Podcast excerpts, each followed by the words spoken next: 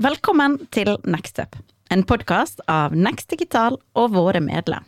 Nextup er Next Digital sin podkast om nyskaping gjennom anvendt teknologi.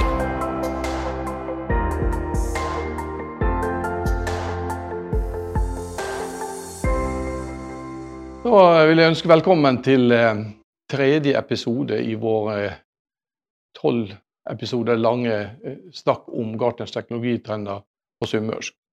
Eh, for dere som har vært med de to første eh, episodene og sett eh, det vi har snakka om, så skal vi prøve å følge samme mønsteret. Men for dere som ikke har vært med, så er det jo tre hovedtemaer vi snakker om. Og som dere ser her, så er jo det data, agility og smart som står på toppen her. Og data er de fire første teknologitrendene. Og nå er vi på den tredje, som da holder på data. Så skal vi senere komme på dette med det å endringsagenda og være rask og endre seg og det å kunne vokse på en smart måte med å bruke teknologi. Det er de åtte siste trendene som går på der. Men innenfor data da, så er det jo eh, tre, eh, tredje trenden vi går på. Og dette med privacy enhancing computation som er tema for dagen i dag. Eh, og det kan jo være vanskelig å tenke på og forstå, men det er jo dette med våre personlige data. Altså det, Hvordan beskytter vi dataene som vi vi eh, legger fra oss alle plasser, og hvordan sikrer vi at vi er trygge når vi skal bruke dataene. For vi ønsker jo å bruke dataene videre. Og Da er det tre nivåer Gartner snakker om her. at Det er, det, er selve dataene. det er Hvordan skal vi omforme de dataene til eh, lesbare data uten å avsløre hvem det dreier seg om. Det er å si, transformere dem til en syntetisk modell, eller, men allikevel igjen kjenne egenskapene til dataene på en slik måte at du kan bruke det. Og så er det jo selve software-biten. Altså hvordan skal software opereres, eh, opereres, og settes opp slik at eh, man kan bruke data eh, på en trygg måte. Slik at resultatet av analysene også forblir anonyme, men fortsatt gir like stor verdi. Og Det er jo mange sånne tekniske begrep som ligger inni her, som jeg skal komme til eh, om et lite øyeblikk. Og så har vi selve dataplattformene, som det står som, som eh, si, dataene ligger på, og som applikasjonene ligger på, at de også må være trygge. Og Det vi må stole på da etter hvert, er at det er dem som leverer skyløsningene til oss, sørger for at det er sikker oppbevaring av dataene. Vi må være trygge på at applikasjonene behandler dataene på en god måte, og at selve dataene er beskytta, slik at de ikke blir misbrukt fremover. Gartner har jo eh, det du kaller en hype cycle for masse forskjellige teknologitrender. Og alle disse her eh, teknologiene som gjelder dette med privacy, er da samla i en hypecycle. Og mm, en hypecycle er så enkelt at det, du ser at det, eh, helt her borte da, så har du den innovasjonstriggeren som går oppover, og så har du på toppen her en det vil si, Da er du liksom Forventningsnivået er på topp, og så går du ned i dalen på de tapte forventninger, og så kommer det opp på platået for produktivitet. Platået for produktivitet er jo når eh, si, det er allment tatt i bruk, den teknologien. En teknologi som er på et veldig tidlig stadie, er fortsatt anvendelig. Men Gartner prøver å beregne hva tid er denne teknologien anvendelig i praksis ute. Og Da ser vi at det er sånn som homomorphic encryption, som er egentlig en sånn automatisk kryptering av data, den ligger der som en teknologi som er tilgjengelig i dag, men har fem år horisont før den er på platået her. Dvs. Si at alle kan bruke det i vanlig. Men det eksperimenteres med allerede. Og En del andre ligger da i forskjellig eh, nivå og kan brukes videre.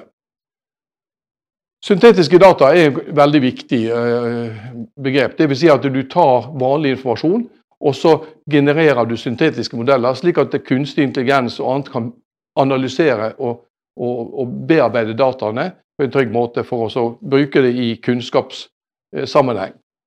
En annen variant er jo dette med differensiert privacy.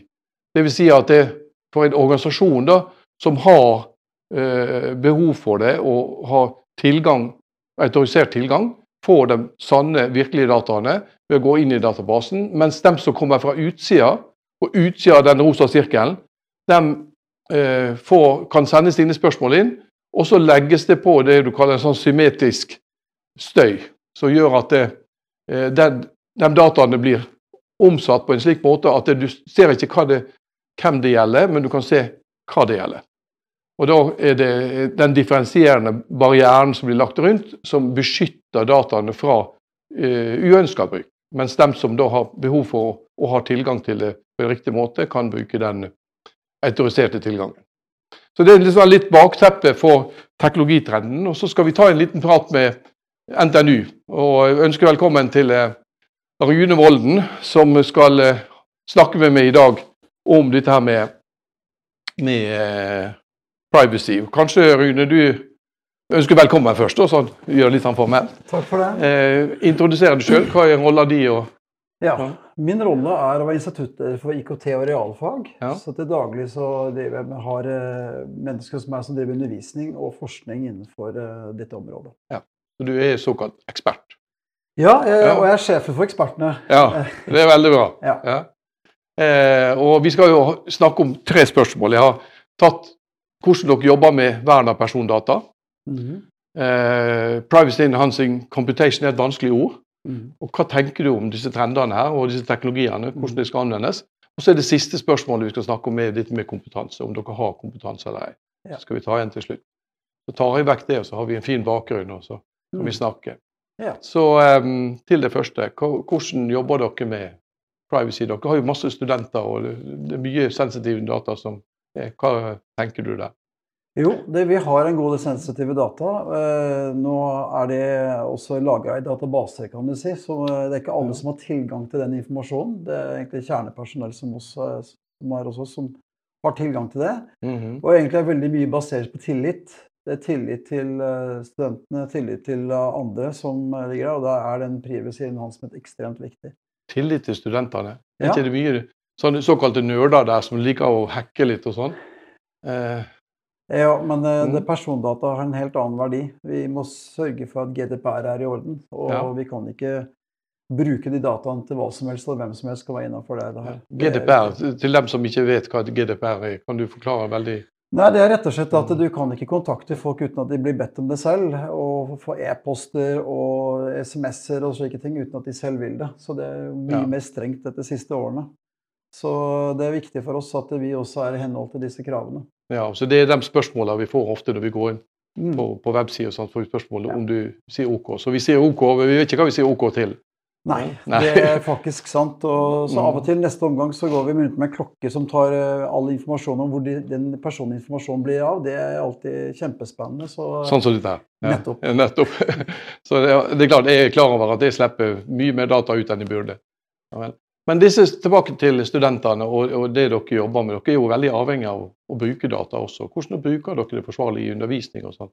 jo, der har du jo egentlig det du kom fram til her tidligere med syntetiske data. Det er ganske trygt. Du kan sette sammen ting, bilder og annet som ser veldig likt ut som vanlige mennesker, men du kan gjøre slik at det ikke er gjenkjennbart. Ja. Uh, og dette anony- anonymisering er ekstremt viktig. Uh, fordi ikke bare at du skal drive forskning, men du skal også ivareta f.eks. både personvern, men også bedriftene sine hemmeligheter. Og gjerne gjør du forskning sammen med bedrifter. Og hvordan kan Mhm. du sørge for at den informasjonen eh, som de har, ikke går videre til eh, uvedkommende? Det er også ekstremt viktig. Ja, Veldig bra. Så det, det, folk føler seg trygge? Ja, det gjør jo det, da. Ja. Så er det egentlig opp til oss å sørge for at de kan fortsatt ha den tryggheten. Har dere mye innbrudd? Har det skjedd at dere har data kommet på avveie? Det, som for NTNU så har det nok skjedd innimellom, ja. Mhm. Jeg kan ikke si at en, en så stor organisasjon ikke har tatt datainnbrudd. Det er helt feil. Men vi har jo noe som heter SOC. Og Mhm. det er en eh, gjeng nede på Gjøvik Ja. som overvåker oss. Slik at alle PC-ene våre som er i det nettverket, de eh, overvåkes eh, med hensyn på trafikk, hva som går inn og ut der. Ja. Og det er for oss en veldig eh, trygghet. Og i tillegg så har vi da altså innført tofaktorautentisering også. Det, Ja. Så det blir bare bedre og bedre. Det som er utfordringen, er de PC-ene som står for utsiden av dette nettverket. Det, Ja. det må passe på at vi er innafor. Og da har Ja. vi folk som passer på oss, og de personene der er vi umåtelig glad i. Ja. Vi snakka litt om det i forrige episode, dette med cybersecurity mesh. og det, Dere bruker egentlig disse teknikkene vi snakka om da, aktivt for å passe på. Så vi har de menneskene som Mm. jobber nært til uh, sikkerhetsmyndighetene i Norge, og de som jobber eh, i, eh, på Gjøvik, som eh, Mm. passer på oss. Og det, det er viktig for oss. fordi de er gode på det de er gode på, så er vi gode på det vi er gode på. Ja, Veldig bra. Dette her med privacy enhancing computation, som er et vanskelig ord, engelsk ord. Mm. Eh, disse teknologitrendene som, som er knytta til området, hvordan følger dere dem? Og er det noe spesielt av dem dere anvender i, i praksis? Ja, altså det, Vi kunne godt gjort det enda mer, men eh, Mm. det, er jo, det viktigste er at vi, vi sørger for at vi eh, har et tydelig skille mellom det som går mot forskning. fordi på universitetene er veldig avhengig av at vi kan gjøre forskning på reelle Mm. problemstillinger.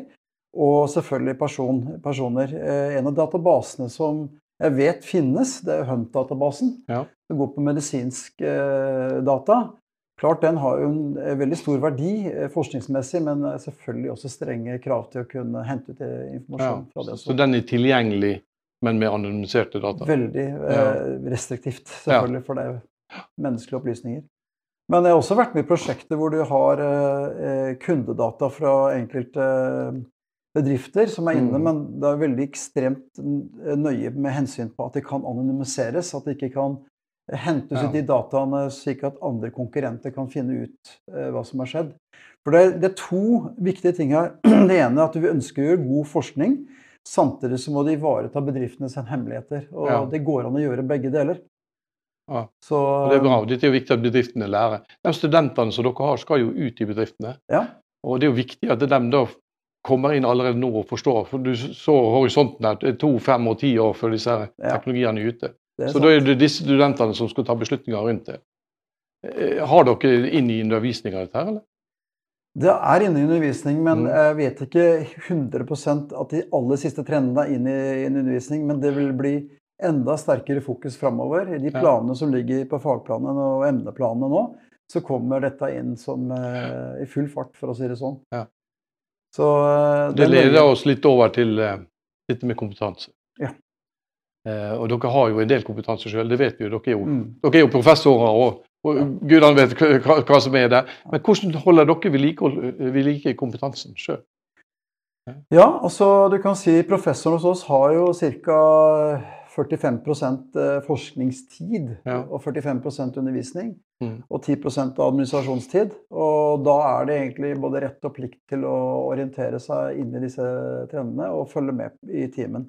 Ja. Og i tillegg så er vi et, en del av et fakultet som er informasjonsteknologi og elektroteknikk. Mm. og der er også et annet institutt som går på informasjonssikkerhet, som vi er nært koblet til. Ja. Og der får vi både hjelp og ja, kan dele kompetanse osv. Så, videre. så vi kommer nok til å bli enda sterkere innenfor det området og samarbeide med det sterke miljøet vi har på Gjøvik.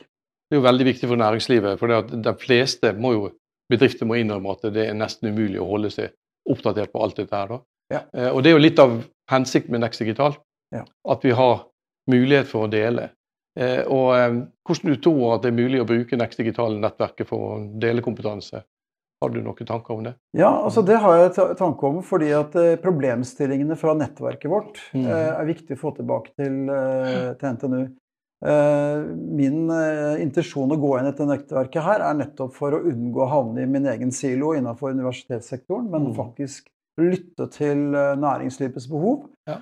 For å høre hva de faktisk har av problemstillinger, og ikke Mhm. minst innenfor dette her. Der det kommer et passant at det heter mest tilgangskontroll, eksempel. Mm. Og verdi av data, anonymisering, alt dette her, det er veldig reelle problemstillinger som mange har en utfordring med. Skal vi flytte ting fra interne servere til skya? Mm. Hva skjer? Og Det er ganske Ja. komplekst for mange. Ja. Og De fleste vil jo bare holde på med det du har satt opp bedriften din for, eller for virksomheten din for. mm, Og Da er det viktig at vi kanskje deler på disse tingene som er rundt. da. Ja. Så Vi skal fortsette å snakke om dette her, og vi skal fortsette å dele si, våre tanker. Og så skal vi prøve å gjøre det reelt gjennom samarbeid i eh, Next Digital. Takk for at du kom i dag og ville snakke om det. Takk i like måte. Takk skal dere ha for at dere lytta, og så må dere stille opp på neste episode.